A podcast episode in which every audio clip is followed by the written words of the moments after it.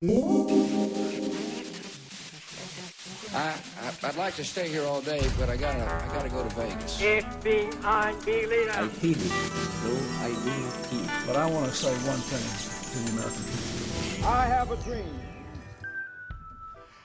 Hei og hjertelig velkommen eh, til eh, dagens eh, Globus-sending. Som vi nevnte for dere forrige gang, så fortsetter vi litt med tema Afrika i dag. Og eh, vi kan bare håpe på at dere fortsetter å lytte på oss eh, framover. Vi kan love en eh, meget god sending. Veldig mye spennende stoff. Her fra Globus i studio Traderevolt, studentradioen i Trondheim. Her får du beinkjør med heimbrenta tappa.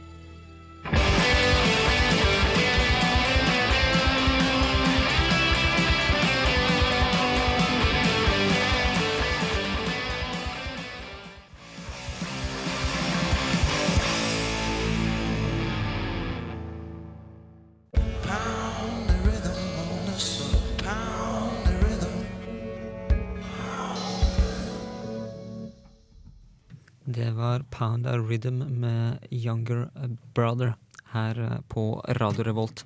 Velkommen igjen til Globus, Radio Revolts litt eh, seriøse utenriksprogram. I studio i dag så har vi eh, Helle Hamnevold, Heia. Niklas Autrey. Hei. Anders Måsund Hei. og eh, meg, Sigmund Grønli eh, Bolme. Eh, I dag snakker vi her i Globus litt om eh, Afrika.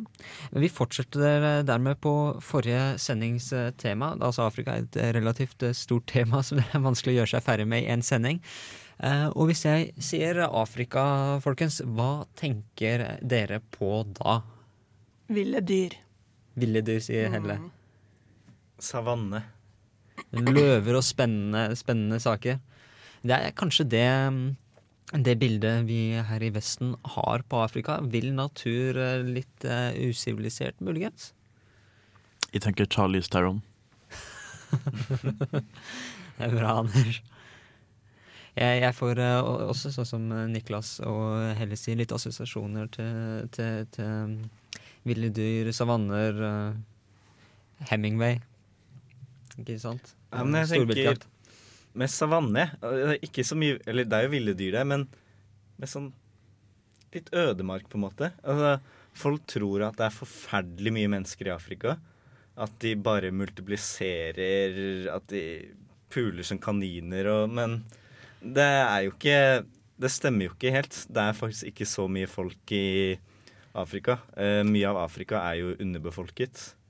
Det er Det ser kanskje ikke så stort ut på kartet, men Afrika er enormt. Det Går det an at ting er underbefolka? Um, Ja, på en måte. Eller man Det spørs jo hvordan man ser på det, men man kan jo eh, argumentere for at um, det er vanskelig å få til eh, bærekraftig økonomisk eh, utvikling med hvis man rett og slett ikke er nok folk. Men, eh, men eh, Niklas, eh, du jo, kan jo litt om, om Afrika nå, har jeg skjønt. Og, og hvorfor, hvorfor, hvorfor er denne myten oppstått om at det er så, det er så mye folk i Afrika? Hva Nei, vi Det er jo Mye av det vi hører på nyhetene, handler jo om liksom Det at det er for mye folk i forhold til f.eks. mat og sånn, da. ja, Sultkatastrofer og sånne Ja, f.eks. for. Og da ser vi jo bilder av liksom utsultede mennesker, masse av dem, som på en måte bare er der. Og ja. Du ser barn med store sånne øh, spist opp alle magemuskelmager og ja, Mm. med sånne store hoder og store øyne og tynne kropper. Og det, det er veldig mye sånn, hva skal jeg si, masse mm, negativt, om- negativ omtale om Afrika. Så man har Mm. kanskje inntrykk av at det er masse kriser og katastrofer. Det, det henger vel litt igjen med, med den historien som Afrika har hatt, og kanskje det bildet som europeerne først hadde på Afrika når de, når de kom dit. Eh, og det er noe som eh, vi her i Globus skal snakke mer om eh, utover sendinga. Når du snakker om Afrika, så blir det vanskelig å komme forbi eh, temaet imperialisme. Mm. Eh, her har du i alle fall dunderhonning. Eh, ikke ta meg med. Og etterpå så får vi ukas utenriksnyter utenriksnyheter her på Globus kan de tåle ringe inn og presse telefonnummer, forbindelse til mett og sykt, mikrone som ikke tar meg med. La meg være i fred. Nobelkomiteen har valgt å ikke dele ut fredsprisen 10.12. i år. Komiteen tok denne beslutningen da det ble klart at ingen fra Liv Siabus nærmeste familie, og heller ikke advokatene hans, har fått utreisetillatelse fra Kina. Dermed kommer utdelelsen av medalje, sjekk og diplom mest sannsynlig til å falle ut av årets seremoni, sier Nobelinstituttets leder Geir Lundestad til NRK. Tyskland har økt sikkerheten på fly- og togstasjoner rundt om i landet etter å ha mottatt det den tyske innenriksministeren Thomas de Maissiere kaller konkrete indikasjoner på et planlagt terrorangrep. Opplysninger skal ha kommet fra et annet lands etterretningsorganisasjoner, og Maiziere uttaler at det er grunn til bekymring, men ikke til panikk. Han sier også at sikkerheten vil forbli høy inntil videre. Den amerikanske visepresidenten Joe Biden har advart Kongressen og Senatet mot å blokkere ratifiseringen av den nye START-traktaten med Russland. Den nye START-traktaten er ment å skulle redusere antall atomvåpen både i USA og i Russland, og har vært en av de store utenrikspolitiske seirene til Obama-administrasjonen. Det hvite hus frykter nå, etter tapet av Representantenes hus i det amerikanske mellomvalget, at Kongressen med flertall av republikanere kommer til å blokkere ratifiseringen om den ikke blir gjennomført før de nye republikanerne tar plassene i Kongressen i januar. En amerikansk jury har erklært at to ansatte i en kristen hjelpeorganisasjon er skyldige i å svindle til seg over 1 million dollar fra penger som skulle gå til hjelpearbeid i Liberia. Aktor i saken hevdet at de to mennene hadde solgt mesteparten av maten de skulle dele ut, og de to skal også ha brukt materialer som skulle brukes til infrastruktur og hjelpearbeid, til å bygge egne personlige villaer i Liberia. De to svindlerne risikerer opptil 20 års fengsel i USA, og denne rettssaken setter lys på korrupsjonen som mye av hjelpearbeidet i Afrika plages med.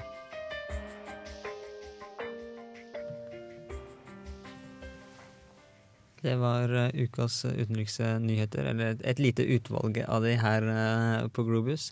Eh, Hella, har du lyst på villa i Liberia?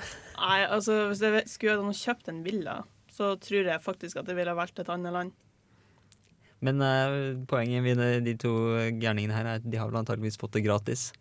Ja, altså Jeg blir like sjokkert hver gang egentlig når jeg hører om hjelpearbeidere som rett og slett svindler. Altså, Hvem er det det går på bekostning av? Jo, det er jo de som har aller minst. De som trenger det mest. Ik ikke sant? Det er jo ikke bare eh, dem det går utover, da. det går jo utover uh, egentlig alt. Uh, altså det, går jo, altså det er jo ingen som har noe slags altså Hvis det her foregår i stor skala, og som du også ser med mye sånn uhjelpsarbeid også, uh, at det er ikke bare selgerne, da, men det kan også være f.eks. Ja, det kan være styresmakter som finner på å bruke uhjelpsmidler til å bygge store ting i hovedstaden, mens folk på landsbygda svelter i hjel. Så det, det, det er jo um, et problem det her, da, at eh, folk som da er kanskje tilegner seg goder på den måten her nå, gjør det liksom på, en, på bekostning av eh, ja, både institusjonen og da folka. Ja, det med korrupt, korrupte regjeringer er jo kanskje faktisk det største problemet som, som disse hjelpeorganisasjonene og hjelp til, eh, til, til u-land ofte eh, står overfor. Du har eh, diktatorer og, og ikke bare diktatorer, men valg, valgte regjeringer som sitter og tar for seg av pengene hele veien.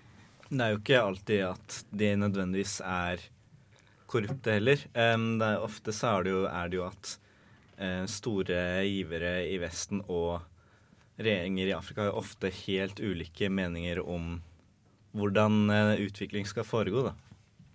Riktig, ja. Det er eh, litt det samme som eh, problemene rundt eh, menneskerettighetene. Mm. Hvil, hvilke Ja, er det som er de viktigste? En annen ting er jo det at det er den store debatten hvorvidt egentlig uhjelp gjør så mye bra som folk skal ha det til. Om vi heller skulle gått for en altså trade og ikke aid, som det blir snakk om.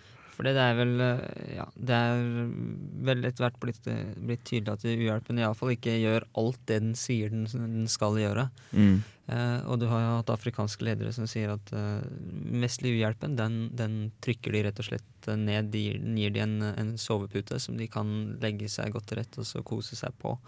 Mens, mens Vesten stjeler eh, resten av huset, for å si det på, på den måten. Det ja. er, eh, Du har, jo, eh, du har jo Kina som har en annen, en annen måte å gjøre det på. De Ja. som ja, Og det er litt investerer. interessant. For Kina er blitt, eh, blitt veldig populær i Afrika. Mm. Nett, nettopp fordi de, de kommer inn og er, er pragmatiske rundt det her. De investerer og, og gir eh, businessmuligheter.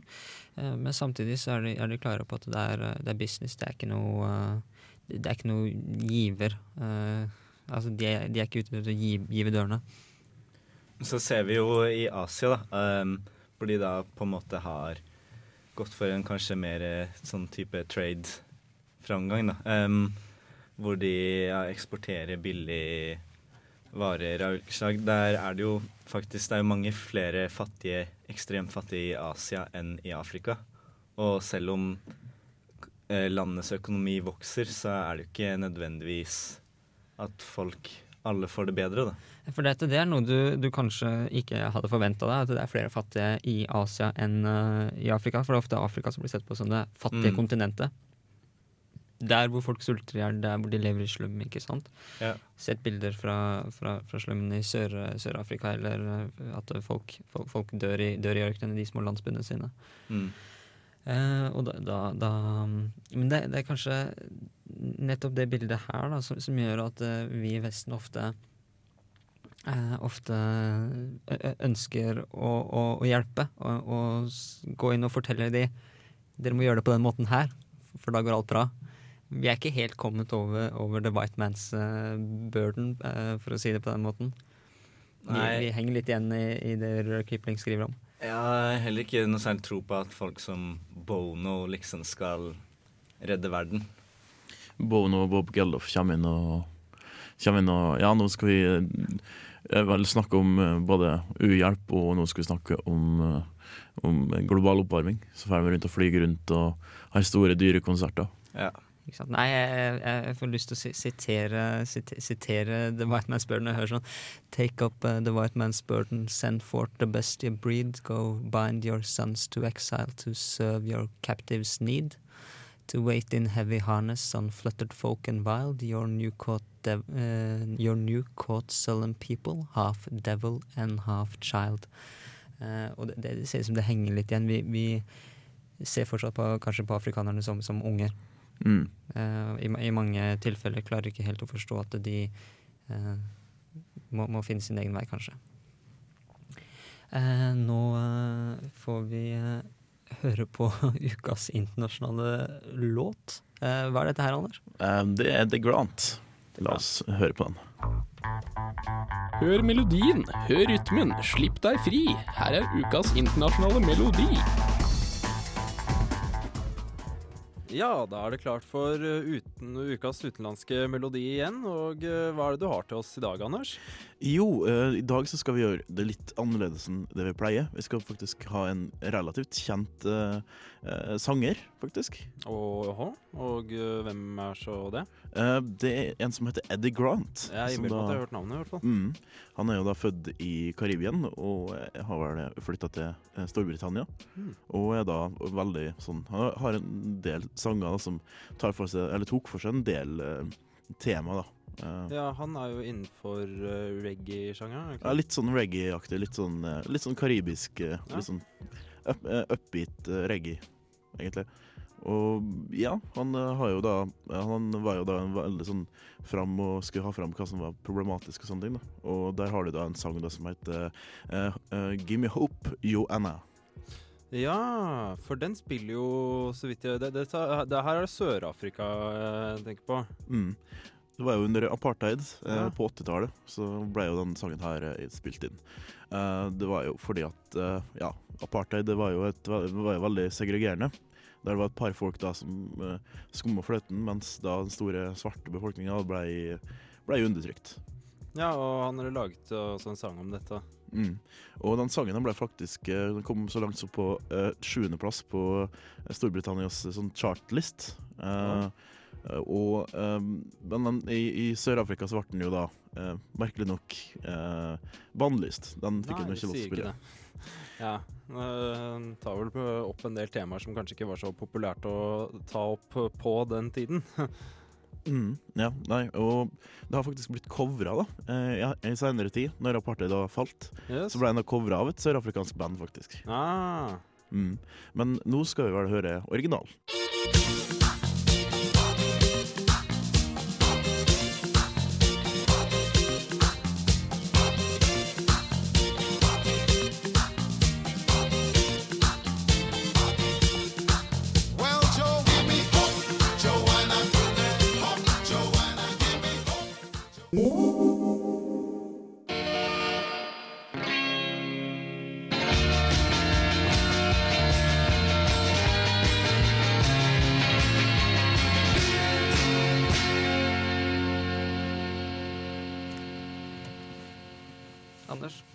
Ja, du hører på Globus. Det her er Radio Revolt. Eh, Mitt navn er Anders Måsen. Vi skal snakke litt om Kongo, eh, den delen her. Eh, Ja, Niklas Autry. Hvilken Kongo? Begge to, faktisk. Men for dem som ikke er helt oppegående.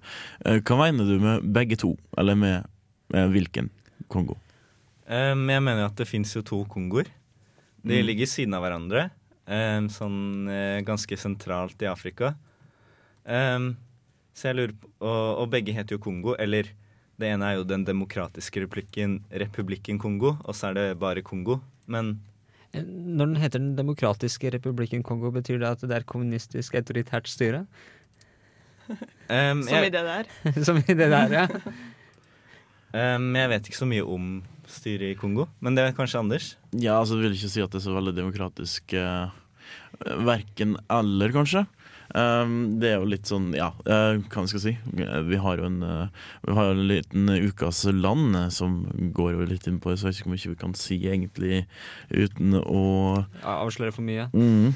Men vi kan si jo det sånn at ja, det er jo to forskjellige nasjoner der. Én har kanskje klart seg litt bedre enn den andre, da. Men, men eh, den som har klart seg bedre enn den andre, det, altså det, den som har klart seg dårlig, det er den store, er ikke det? Store Kongo, den vi liksom på en måte hører mest om. Den vi hører mest om, er den som har klart seg dårligst, ja.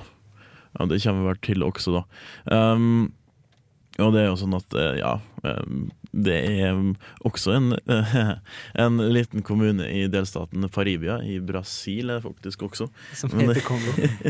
Eh, Men det er bare litt sånn, ja. Men, eh, men vi nordmenn vi har jo i de siste, fått, fått, eh, de siste åra fått et litt spesielt forhold til Kongo. De har jo, Mm. kan vel kalle det eh, svindel. De har vel prøvd å choppe our dollar ganske så heftig i henhold til den rettssaken som har foregått der nede. Ja, det var jo da, det, var da den, det vi kaller for Fristaten, eller Belgisk Kongo, eller DDR-Kongo, da. Mm. Som man også, det, var det, var den Kongoen da, der, det vi hører mest om i nyhetene. da.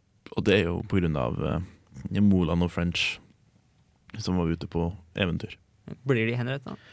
Nei, Antageligvis ikke, kanskje. de vil ha penger. De vil ha penger. Mm. Jeg vil, de har lyst til å, som vi snakka om i forrige sending, eh, dollar. Chappardala. Ja, vi har det, vet du. Og ja, vi kan si det sånn at Republikken Kongo, eller Kongo Brazzaville, er vel den eh, franske delen, da. Eller den tidligere franske delen. Uh, og da er det jo, ja, det er jo bantefolket som også var der. Bantefolket er den som uh, Eller en feil, fellesbetegnelse for en del stammer som har egentlig ja, rett og slett vært i store deler av Sør-Afrika, da. Uh, som er Altså, det Ordet bantu under kommer vel, så vidt jeg husker, fra en uh, Altså, ja. Eh, Det, det er et sånt felles Ja, det er sånn uh, Hva skal jeg si? Det, det ble kalt Tidligere- bantus, var vel det, det ble kalt før, da. Tidligere fellesbetegnelse på afrikanere, kanskje. Ja, og det, ble, altså det har jo da et veldig negativt fortegn i Sør-Afrika. Vi skal tilbake igjen til det litt senere. Men en ja, er da er for 400 ulike etniske grupper. Og det er dem som da også bor i Kongo, i eh, det der. Nå er, vi, nå er vi kanskje inne på et av, et av de største problemene som, som um, Afrika står overfor i dag. Det er nettopp det at det er så utrolig mye forskjellige etniske grupperinger i landet. Eh, for når de europeiske overherrene Får jeg lov til å kalle de overherrer, eller er det litt eh, Kolonimakta er kanskje litt mer politisk korrekt. eh, Bestemmer seg for at eh, nå skal koloniene skal, Sånn og sånn skal koloniene ligge, så, så dro de rett og slett linjer på kartet eh, med linjal. eh, I mange tilfeller og skilte grupper og klaner og, og eh, språkgrupper og blanda sammen f.eks. to stammer som tidligere hadde vært bitre fiender. Ja. Eh, så nå, nå kan dere gå og lage et demokrati sammen. Og det er jo det som har skapt litt uh, problemer rundt omkring, da. Det blir, omtrent som å prøve å så gjenopprette unionen med Sverige eh, Mm. for oss her i Norge. Et annet problem med disse grensene som uh, har blitt satt og forandret seg, og litt sånt, er jo at uh, Eller et problem er at mange av landene har jo veldig ugunstige fasonger. og Er jo, noen er knøttsmå, liksom. Det er ikke alle har en, en liten del, skal vi si. Alle har en liten sånn uh, kyststripe, da.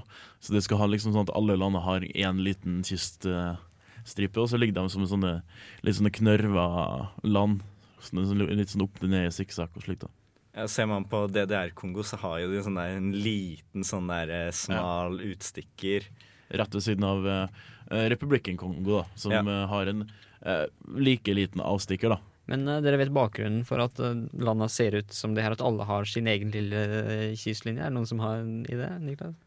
Ehm, nei, det skulle, men jeg skulle poengtere at det er jo ikke alle landene som har sin egen kyststripe. da. Det har også har vært et problem for mange av de landene. At de har vært avhengig av naboene sine for å komme til kysten. da. Og Det er noen av de landene som eh, tidligere har blitt delt opp fra, fra større kolonier. Mm, For det de er de eh, mest fattige landene egentlig i Afrika, er de som ikke har kyststripe. Mm. For de må bruke masse penger på å få transportert varene sine Ja. eh, ut til kysten. Eller med fly. Og Eller med sånt, fly. Ja. Eh, det, som, det som er bakgrunnen for at eh, Afrika ser litt sånn ut som nå, er fordi at de eh, Originalt så var det masse slavefort og handelsstasjoner rundt på kysten. Og når de europeiske kolonimaktene fant ut at vi kan begynne å ta over, ta over kontinentet eh, på 1800-tallet, så, bestemte de, så gjorde de en avtale at eh, hvert land kan ta det som ligger innenfor sin kyststripe. Altså du kan ta over innover i landet. Eh, og Derfor så har du noen sånn litt sånn rare situasjoner hvor folk har tatt inn, og så utover. Eh, og innbefattet den avtalen var at hvis na nabokolonimakten ikke benytta seg av sjansen, så var det mulig å utvide utover det, det som kyststripen egentlig ga grunnlag for. Det er en av, en av grunnene til at Kongo ser veldig veldig rart ut. Har egentlig utgangspunkt i en liten, liten handelsstasjon, og så er det blitt et gigantisk eh, koloniområde. Det ser rett og slett ut som om eh, noen av hvis du, altså hvis du ser Hvis du tar utgangspunkt i at eh, snuten liksom er på kyststripa. Og så har du blitt en slags eksplosjon utover derfra. Ja, det kan se ut som en eksplosjon. Ja. Og det er et av de største landene du har i Kongo. I hvert fall DDR-Kongo. Men Kongo er et av de største Afrikalandene. Mens Brazzaville-Kongo er definitivt litt mindre. Eh, skal vi høre litt på noen av eh, ukas land-sakene, Anders? Ja, først tenker jeg at vi skal kjøre litt musikk. Vi har jo prata ganske lenge nå, så. Det er greit. DVA, Just Vibe.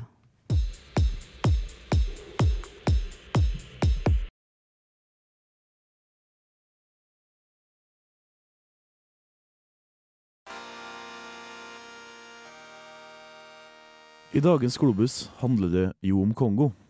Og hva er da mer naturlig enn å snakke om en smågal belgisk konge?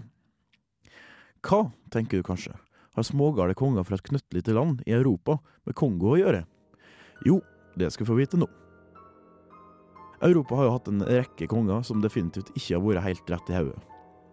Og i dag skal vi ta for oss en av de nyeste. Leopold Louise Philippe Marie Victor, eller Leopold Lodvig Philips Maria Victor het han, og gråt når han ble født. Når han arva trona i Belgia i 1865, fikk han for enkelhets skyld kallenavnet Leopold 2. Tulling! Nå skal sies at fyren ikke var en idiot. Han var jo egentlig ganske smart, eh, bare noe inn i helvetes stormannsgal. Og ikke brydde han seg noe særlig om andre enn seg sjøl heller. Leopold fant fort ut at Belgia var altfor lite og altfor fattig. Han var ikke helt fornøyd med rikdommene sine, og mente at Belgia måtte skaffe seg inntektskilde, en koloni. Han begynte å leite. Både i Asia og i Afrika prøvde han seg, men alle hans storslåtte planer slo gang på gang feil. Men til slutt fikk han gjennomslag i et nokså ukjent område rundt elva Kongo. Og etter å ha starta opp en filantropisk organisasjon som var der for å hjelpe lokalbefolkninga, fikk han bygd fristaten Kongo.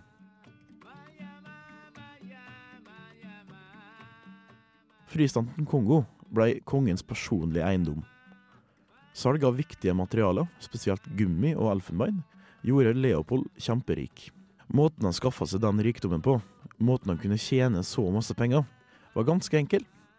Slaveri var jo nylig ulovliggjort, men Leopold, han lurte seg unna. Trusler av vold og gisseltaking skjedde i stor skala. Alt for å få ting mest mulig lønnsomt og effektivt. Leopold hadde en fetisj for hender. En vanlig avstraffelse for ikke å jobbe raskt nok var å miste ei hand. Hadde ikke landsbyen din skaffa nok gummi, måtte de betale med hender. Og Det var også ganske dyrt med patroner. Leopold så seg nødt til å ta ei hand for hver patron som ble avfyrt. Det dukka likevel opp flere hender enn drepte mennesker. Det var likevel ikke slik at det mangla på folk som ble drept i Kongo. Det er blitt estimert at over ti millioner mennesker ble tatt av dage under Leopolds styre. Og det var ikke bare folk som ble drept i små eller store krigsutbrudd, Men sykdommer og hungersnød var også store bidragsytere. Men hvordan kunne det ikke bli oppdaga? Jo, kongen var ganske streng på hvem som kom til Kongo fra Europa, og ganske streng på hvem som kom ut. Samtidig brukte han mye av inntektene sine på å undermine dem som sto imot han, og betale journalister slik at de ikke skulle publisere saker. Det var ikke før motstanderne hans begynte å øke i antall og i styrke, at det ble åpenbart for verden at ting ikke var som de skulle. Mange av datidens kjente mennesker, deriblant Mark Twain, var store motstandere. Og i mellomtida hadde kongen ødsla vekk store summer på stygge slott i Belgia, samt en 16-årig prostituert som han til slutt gifta seg med. Hun hadde da på mystisk vis blitt baronesse først, og i 1908 orka ikke parlamentet i Belgia mer av kongens oppførsel, og tok over makta i fristaten. Og den ble nå heitende Belgisk Kongo. Året etter daua Leopold 2., sterkt hata av hans undersåtter. Det var Anders Småsund som snakka eh, Ga litt eh, bakgrunn eh, for belgisk Kongo. Eh, Anders? Mhm. Eh, Leo. Han virka som en ålreit kar. Han, eh, ja, hva skal en si? Han er jo en eh, litt eh, pff, Jeg vet ikke om jeg skal kalle ham ålreit. Nei, jeg vil kalle ham en tulling. Det har han allerede gjort. Det til gangs, tror jeg. Hva var det, altså, Du nevnte litt om at han klarte å holde det skjult. Ja. Um, det hadde jo ikke internett på den tida, eller TV, knapt nok et kamera. Um, så han eh, klarte i hvert fall det i begynnelsen, da, å dekke over at mye av det som skjedde. da. For det var ikke sånn at eh, de sto på kaia, kaia i Kongo liksom, og skjøt alle disse ti millioner mennesker. Og det var vel ikke sånn at ja, alt foregikk så ja. Men altså, det kom jo mer og mer ut da, etter hvert at det var ting som ikke helt stemte. Men hva slags mennesker var det som, som man fikk til å jobbe for seg? Altså jobbe som slavedrivere? da? Var det europeere? Altså leiesoldater? Det, det var både både og. Jeg tror det var, det var en god del europeere, en god del folk fra f.eks. Belgia, eh, som var jo der og han tenkte jo profitt, profitt, profitt. Handels, eh, handelsfirma, alt mulig sånn. Eh, det er ikke så viktig med folka, for de er jo bare savages uansett. Vi bryr oss ikke så hardt. Bare folk. Mm. Nei, eh, vi eh, Til og med Belgia, lille landet, har muligens litt, litt svin på skogen. Iallfall kongen deres. Ja, altså, det er jo det som er tingen da, når du sitter Når du er konge i et eh, Europa som har begynt å våkne i den andre industrielle revolusjonen, så er det jo sånn at nå er det ikke så mye om land i Europa lenger som det er om land i andre deler av verden. Og da vil til og med vesle Kongo, nei, vesle Belgia også prøve å få seg et ganske stort land. Og hvis dere ser på Hvis dere har sett et kart over belgisk Kongo, så vil dere se at det landet her er dritstort. Det er digert. Eh, virkelig digert. Eh, vi skal gå litt grann videre i sendinga. Vi- Du får høre eh, Louise Maita med låta Lero Lero. Her på Radio Revolt. Du hører på Globus Det gjør du. FM 100. 106,2. Radiorevolt.no.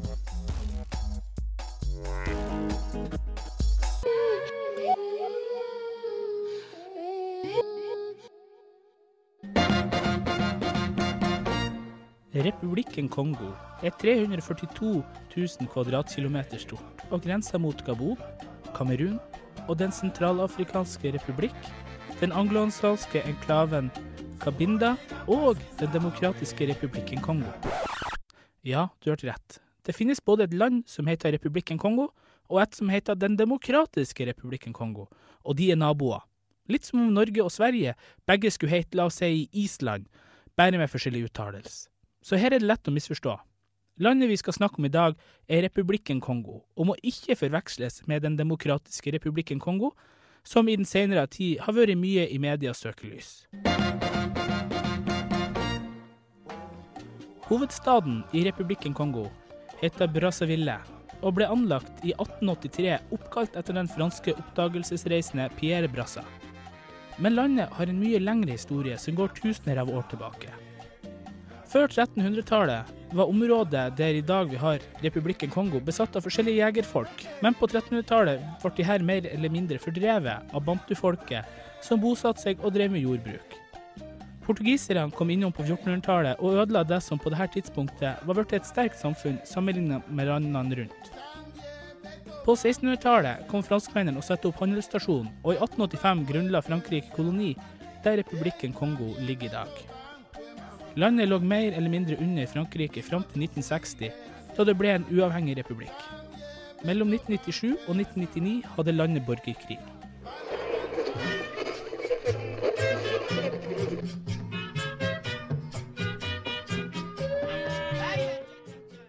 I 2008 hadde styret i Republikken Kongo det meste av media under sin kontroll. Dette inkluderer en TV-stasjon, tre radiostasjoner og en avis. Andre aktører, som frittstående radiostasjoner, er meldt å være under veldig press fra staten og holdes delvis under kontroll. Landet har også problemer med at enkelte folkegrupper, hovedsakelig pygmeene, blir holdt som slaver av bantufolket. Dette er gamle tradisjoner som er vanskelig å bryte, og det mest vanlige er å finne det her i de nordlige delene av landet. Republikken Kongo har et varmt klima, med snitt på mellom 20 og 30 grader celsius i hovedstaden. Landet har store fjellkjeder, bl.a. Mayobe-kjeden, som stiger opp fra kysten og går inn i landet. Den nordligste delen av landet består av flate daler med regnskog. I den sørlige delen av landet er det mer jordbruksdistrikter og industri. Mellom juni til september er det tørketid i landet, som ellers får mye nedbør. Republikken Kongo i dag forholdsvis rolig politisk, sjøl om det er regioner man anbefales å ikke dra til som turist. Landet har en god del bestikkelser, sjøl om det her ikke er så inngrodd som enkelte andre steder. Og reiseguiden Lonely Planets anbefaler ikke å gi bestikkelser, sjøl om man blir spurt om det her, eksempelvis av politiposter, men da heller betale eller gi ting sånn som brus og cola på returen.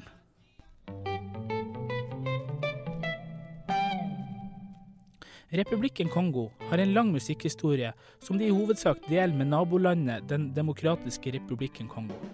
Sjangre som tradisjonell musikk, jazz og avarter av cubansk musikk har gitt landene i regionen sjangre og stiler som er helt enestående. Av de mest kjente er Bantos de la Capitale et av de mest kjente. Republikken Kongo er et land man burde besøke. Landet har problemer og store utfordringer, men har et yrende uteliv og musikkliv, i tillegg til at folk generelt er imøtekommende, og landet ønsker mer turisme. Så dette er kanskje et sted man burde dra innom. Faktisk så går det direktefly fra Paris til hovedstaden Brazzaville to ganger i uka, så da er det bare å besøke.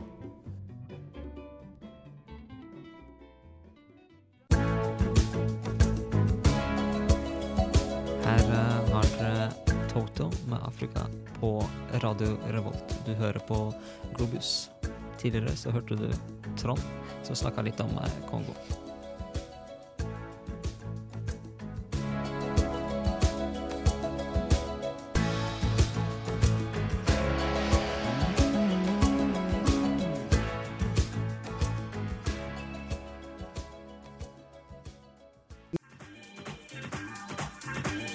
Yeah! Vi er tilbake i 1997. Det her er Arman van Helden med You Don't Even Know Me.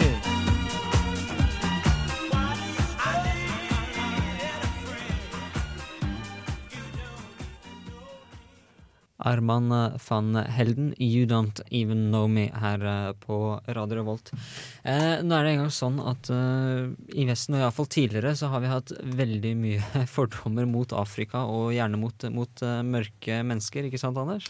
Ja, man skal ikke så mange generasjoner bakover i tida før du møter ganske Det vi ville kalt i dag ganske upolitisk korrekt og ganske mm, kanskje naivistisk syn på afrikanere. da. Ja. Eh, og nå er det sånn at eh, Hvis du lurer på hvorfor eldre gjerne er eh, litt, litt redde for mørkhudede folk, så har du egentlig svaret her. Her får du Kurt Foss og Reidar Bøe med 'Bryllup i negerbyen'.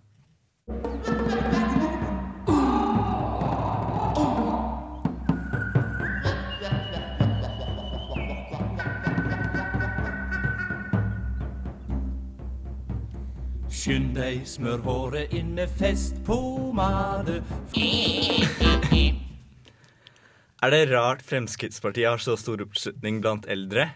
Altså, hadde, vært, hadde jeg trodd at det var dette som liksom kom, så hadde jeg altså vært jævlig skeptisk til innvandrere.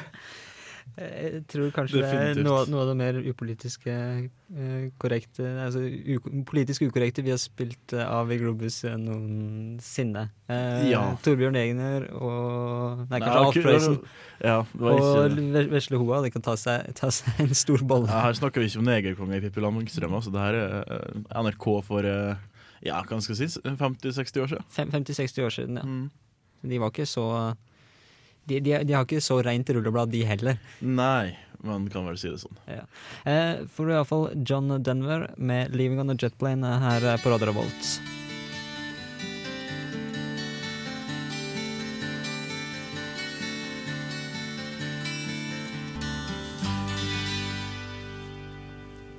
Å, en fin sang. John, John Denver, det. Ja. 'Leaving on a Jet Plane'. Han, han er vel kanskje ikke mye mest, mest ehm, han, han er vel ganske høyrevridd, eller han var vel ganske høyrevridd, han også, i sin tur. De fleste er det, men eh, de, de snur etter hvert når de blir eldre og my mykere om hjertet. Bare se på Kåre Willoch. Mm. Uh, men i hvert fall, uh, ja, vi skal jo da hoppe videre. Vi har jo både vært seriøse og ganske useriøse nå. Uh, nå skal vi gå litt mer inn i ja, det man kaller litt mer seriøse ting, da. Um, vi, har, vi skal snakke litt om et land som vi har snakka en del om dette året her nå. Vi skal snakke litt om Kina. Og Kinas interesser i Afrika. Vi kommer ikke unna Kina selv om vi er på et annet kontinent. Nei, altså det er jo en ja, eh, konsekvens av økonomisk eh, At kineserne sin økonomi på en måte begynner å spre seg over hele verden. Eh, en konsekvens av det er jo at også kineserne sjøl begynner å spre seg over hele verden. Eh, så jeg har laga en eh, reportasje på, som er delvis basert på eh, en sak Al Jazeera har laga om rett og slett kinesere i Senegal. Først så ble det vel litt musikk. Ja, vi kjører låta Flux med 22. 22. På engelsk, og så etterpå så får du høre eh, Helle Hamnevold snakke om eh, kinesere i eh, Afrika her på Globus. Radio Revolt. FM 100 106,2.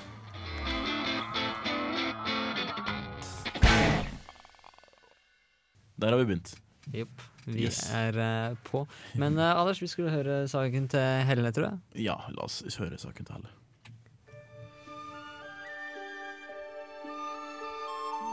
Det er et etter hvert velkjent faktum at Kina er på vei til å bli en ny supermakt.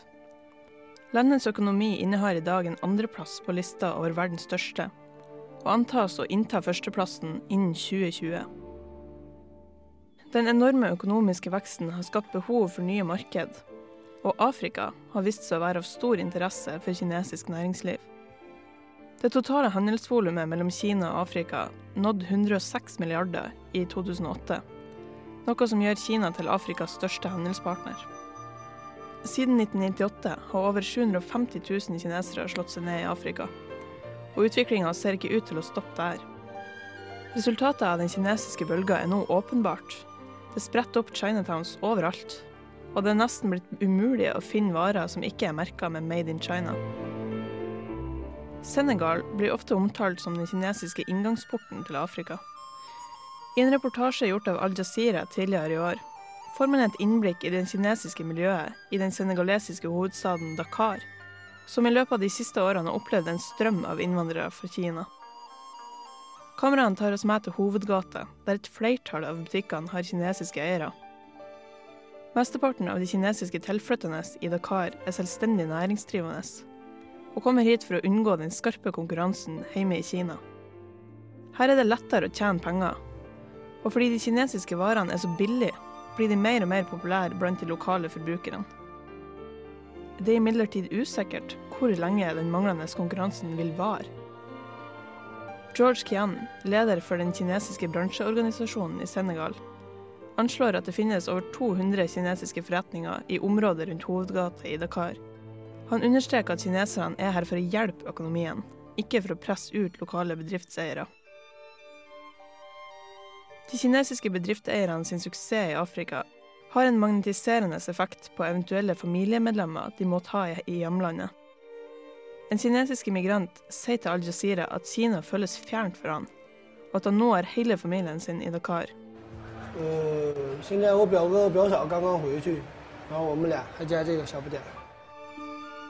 Den kinesiske innvandringsbølga er ingen tilfeldighet, men resultatet av en bevisst strategi fra myndighetene i Beijing for å takle overbefolkning og press på ressurser. Ikke alle er imidlertid like fornøyd med denne løsninga. Flere afrikanere er nå bekymra for det de kaller 'den gule bølga', og mange får negative assosiasjoner til kolonitida. Konkurransen med kinesisk næringsliv blir for tøff for mange senegalesere, og har lagt grunnlag for at mange får et anspent forhold til de kinesiske innvandrerne. Det er også blitt rapportert om voldsepisoder som følge av disse spenningene. Foreløpig er det vanskelig å si om den kinesiske tilstedeværelsen i Afrika vil bli ei suksesshistorie. Er ei vellykka integrering i det hele tatt mulig? Yes, det var Helle Hamnevold som snakka litt om, eh, om kinesisk eh, innvandring til Afrika. Eh, og, og jeg ble litt overraska nå, for jeg trodde at det var, i stort sett bare var, var investeringer, ikke innvandring. Jeg tror det innvandring egentlig er en følge av investering. Altså, ja, jeg vet jo ikke helt hvordan det der forholdet egentlig fungerer, men det har i hvert fall vært veldig mange, som jeg sa, 750 000 kinesere i løpet av ti år som har eh, rett og slett utvandra eller innvandra til Afrika. Hvor er det de, de bosetter seg da? Hvilke land er det som ser flest eh, kinesiske innvandrere? Mm, det meste er vel kanskje på vestkysten, eh, ettersom jeg forsto det. Men jeg så også et kart på Al Jazeera der, de, der man kunne se at kinesere har rett og slett slått seg ned i nesten alle afrikanske land. Det var liksom prikker overalt på kartet De der har de har spredd- slått seg ned. De har spredd seg utover, da. Ja. Og så nevnte, nevnte du at det blir litt nesten som gettoer, altså som, som egne, egne byområder hvor kineserne bor, da. Ja, det blir jo nesten som kolonier. Når vi fikk se, når jeg jeg så det her innslaget fra Al Jazeera, så var det jo For det første så hadde de jo tatt med seg alle familiemedlemmene sine. Og de hadde blant annet De spiste bare kinesisk mat, f.eks., og de levde egentlig veldig adskilt fra eh, lokalbefolkninga. De har på en måte lagd et mini-Kina i Afrika. Det er mange, mange små mini-Kinaer. Ja. Mm, Kanskje man kan trekke, trekke litt sånne um, ligninger mellom den- denne nye kinesiske eh, immigrasjonen da, og det der noe med eh, Hva skal jeg si Med, med de frie bøndene, som da fikk jeg lov til å være i fred. Og var bønder og holdt eh, seg for seg sjøl. Hva, hva tenker du på nå, Anders? Du, Ja, Nederlandere. Boerne, for eksempel. Å, ja, sånn ting. sett, ja. Ja. Mulig eh, at de, de, de følger med. Mm. Det er ikke en, eh, det er ikke en uh, kolonisering i den forstand, men det er mer en, en innvandring som sakte, men sikkert Ja, som vil kanskje. kanskje. bli større og mer viktig etter hvert. Muligens hvis, de, hvis kineserne fortsetter å investere. Men, Mm. men du nevnte at de drar dit for å komme seg unna den skarpe konkurransen hjemme i Kina. Er det, er det såpass vanskelig? Ja, altså mange av de intervjuene sa jo at det er helt umulig å, å klare å drive en butikk der. Altså, det, det vil alltid være noen som har lavere pris enn deg, og du blir skvisa ut med en gang. Og det er jo en følge av eh, at man ofte snakker om overbefolkning i kinesiske byer. da. Ja, for dette det er jo noe av det vi nevnte tidligere om at det er eh, Folk har inntrykk av at det er bor så mange mennesker i Afrika. Eh, egentlig så er det ikke så mange, iallfall ikke når du ser i forhold til Kina, som er eh, Det bor betydelig flere i Kina enn det det gjør i Afrika. Ja, altså Som, veldig mange flere. Det, hvis man ser video fra hovedgata i Dakar, og du ser video fra hovedgata i hva slags som helst større kinesisk by, altså det er jo ganske stor forskjell, for å si det sånn. I Afrika så er det ca. 1 milliard mennesker, og i Kina er det vel 1,23? eller noe sånt. det. Og sånt. Afrika er mye større. Ikke, ikke sant. Men det er ka- kanskje mer eh, jeg vet ikke, mer dyrkbar mark i Kina enn det er i Afrika? Det, det er det. Det er i hvert fall mer mark som antakeligvis ligger ubrukt, da. Mm. I forhold til hvordan det er i Kina. Men, men heller, hva slags problemer altså Oppstår det problemer med lokalbefolkningen sånn, i forhold til de kinesiske innvandrerne, eller, eller går det greit? De holder seg til hver sin ting? Nei, altså, jeg tror kanskje det varierer litt fra tilfelle til tilfelle, men uh, iallfall i Dakar, da, så har det vært reportasjer om voldstilfeller som har vært uh, ja, rasemotivert. Men det, er- noen av de lokale næringsdrivende føler jo at de blir pressa ut av kineserne. Og de ja, ønsker ikke kinesiske innvandrere velkommen, egentlig, var det inntrykket jeg fikk, iallfall. Nei, de, de føler at kineserne tar over litt. Så det er ikke, det er ikke bare Vesten som, som holder på med kolonisering i Afrika, altså. Nei. Ikke, ikke så voldsomt. Nei. Eh, lurer på om eh, vi skal høre litt eh, på musikk igjen. Eh, vi må innom litt musikk her i Globus også, selv om vi liker å Mm. prate mye. Eh, her har du Trygve Seim og Andreas eh, Utnem med Purkor.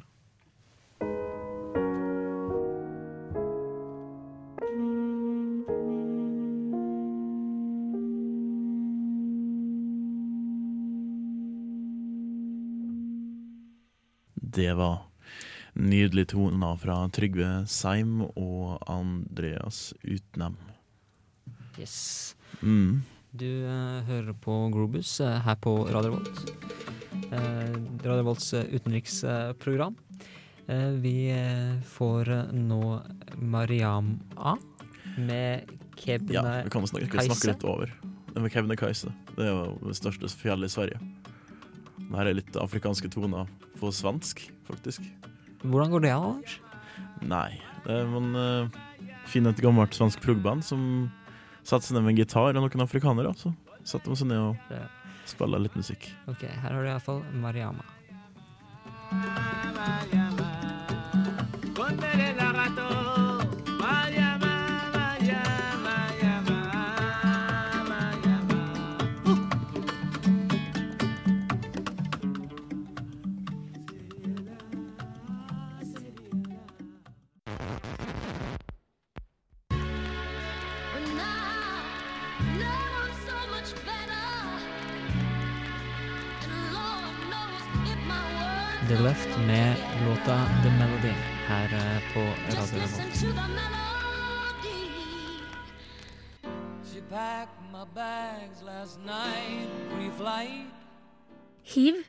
eller humant immunsviktvirus, er et lentivirus av retrovirusfamilien som forårsaker en tilstand hos mennesket hvor immunforsvaret begynner å svikte.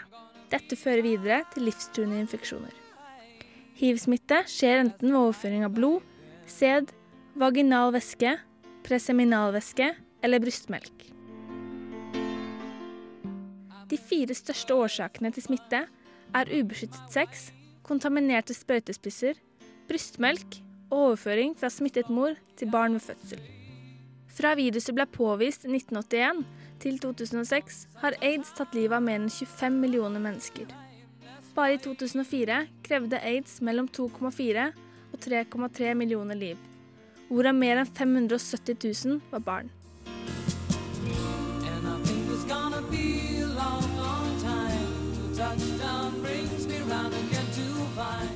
En tredjedel av dødsfallene forekommer i Afrika sør for Sahara.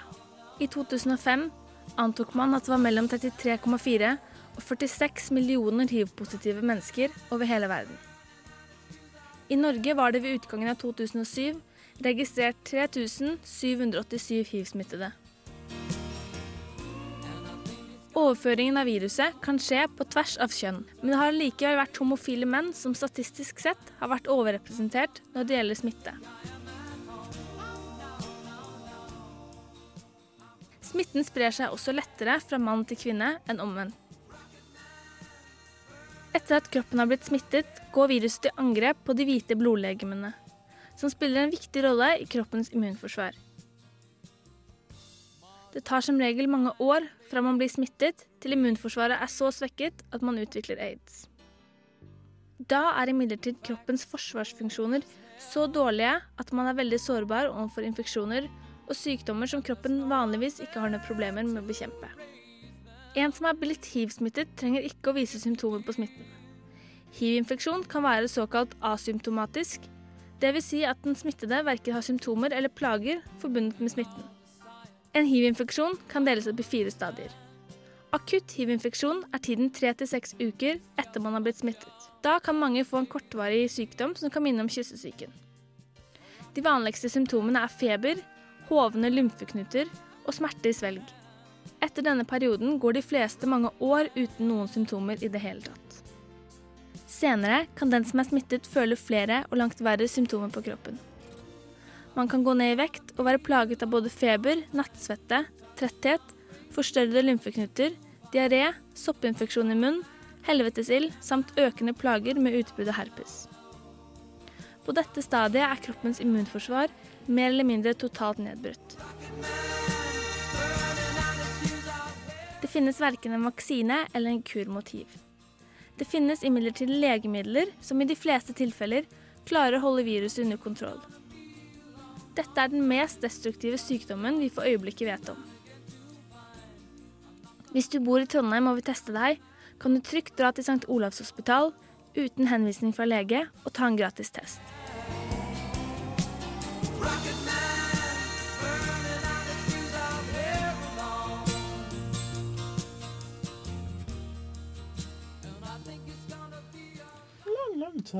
Det var Martine som eh, nevnte snakka litt om et av de største problemene som det afrikanske kontinentet står over eh, for i dag.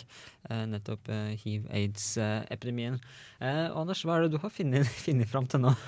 Ja, det, vi fikk et tips på globus krøllalfa.radiorevolt.no eh, om ei side som heter for hiv and aids dating. The Positive Connection. Fantastisk! Ja, nei, men sånn, sånn for å ta, ta det helt, helt seriøst. Det er jo Ja. ypperlig for, eh, for folk som har eh, faktisk har, eh, har hiv eller sliter, sliter med den sykdommen. at De har mulighet til å, til å finne seg noen, da. Ja, jeg syns det var herlig på Jeg, jeg må innrømme at jeg har blitt litt sånn korruptert av South Park, som på en måte har gjort det er til en litt morsom ting. Men det er jo veldig bra for de som faktisk har det, da, antakelig. Eller for i hvert fall hvis jeg ville hatt Hvis jeg hadde fått aids, jeg ville jo på en måte fortsette å kunne gjøre ting. Ja, jeg har funnet siderne som heter En annen. Positivesingles.com. Ja. Den, den er da et, veldig sånn stort nettverk. Da. Folk som har ja, herpes, HPV, hiv, aids, hepatitt, klamydia, gonorea, syfilis, andre STD-er. Eh, altså rett og slett et et internettsamfunn, et datingtjeneste for dem som vet at de har kjønnssykdommer. Altså, ja, som trenger noen med de samme kjønnssykdommene, regner jeg med. Andre forslag fra studio til hva man kan eh, Altså sosiale aktiviteter blant aids-smitta, var jo eh, ja, aids-koloni, aids-by. Det er mange ting man kan uh, ta seg til. Men før vi sporer av helt et slags absurd aids-apartheid um, Ja. Jeg, jeg spurte så langt av at jeg glemte hva jeg skulle si. Vi skjønte det. ja, det, det men Hva skal jeg si? Altså, det er jo et, eh, et noe eh, Ja, men det går faktisk an å for eksempel, hvis du da er, lever i Sør-Trøndelag og har en sykdom, en kjønnssykdom, så går det faktisk an å søke etter andre som har den samme Jeg føler at Globusen er vi plutselig blitt tatt et litt annen form enn det vi vanligvis har. Men det er greit. Ja. Det er supert. Vi kan, vi kan være litt Vi uh, vi- samlivseksperter un- også. ja, vi driver undersøkende journalistikk. Ja, ja, ja, Um, men ja um, Nå ble det litt rar stemning i studio her, men um, jo, hvis fra, Vekk fra apartheid-lignende tilstander her. Um, folk med er ikke farlig. Nei. Og det er sånn uh, Jeg tror alle er Man er veldig redd for Vi får jo det skumle bildet i media, liksom. Det er Ja, man kan jo i verste fall dø eh, av hiv, at det utvikler seg til aids og man dør, men det er ikke sånn Man skal ikke være redd for folk med aids. Nei, men eh, altså, det er mange som lever med det ganske lenge også. Ja. Eh, det er jo altså, I Norge så er vi jo så heldige at vi har medisiner som vi får av staten. Og Det er det som er det store problemet, at det er veldig mange fattige i veldig mange fattige land som ikke får de medisinene fordi de er veldig dyre. Ja, det er det som er mye av problemet i Afrika. Da. At de får ikke medisiner, og det er mange som ikke har kunnskap. Og det er jo f.eks. mødre som har aids. Eh, det er ikke nødvendig at barna får aids, men fordi de ikke får riktig behandling, så skjer det dessverre at det ofte smitter over. Mm. Det er vel et, et av hovedproblemene som du nevner, Niklas, på, på de meste sånn eh, sy sykdommer og sånn uh, i Afrika. Det, er- det er ikke noe kunnskap eller medisiner tilgjengelig. En annen ting er jo religion, da. Eh, bare for å si det. Der du har katolisismen, som da er ut, sterkt ute med det at ja, nei, vi vil ikke at du skal bruke kondom. Ikke engang i Afrika. Sjøl om eh, det da kan føre til at eh, folk da får hiv og aids. For det er synd. Mm. ikke sant? Eh, nå får du iallfall uh, Vi går litt videre, og så får du Deer Hunter med helikopter her eh, på Radio Revolt. Take my me. Air Hunter med helikopter der, altså, på Radio Revolt. Eh, nå hører dere begynnelsen på Ghost of the Red Cloud. Det betyr at vi her i Globus eh, er ved veis ende for denne sendinga. Med meg i studio da så har jeg hatt eh, Niklas Autry. Ha det. Og Helle Havnvold. Ha det. Og den alltid evig unge Anders eh, Småsund. Adjø. Jeg heter Sigmund Grønli Bolme. Eh, takk for at du hørte på oss. Vi eh, kommer sterkt tilbake seinere. Her er altså Ghost of the Red Cloud med The Flower Kings. Takk for oss.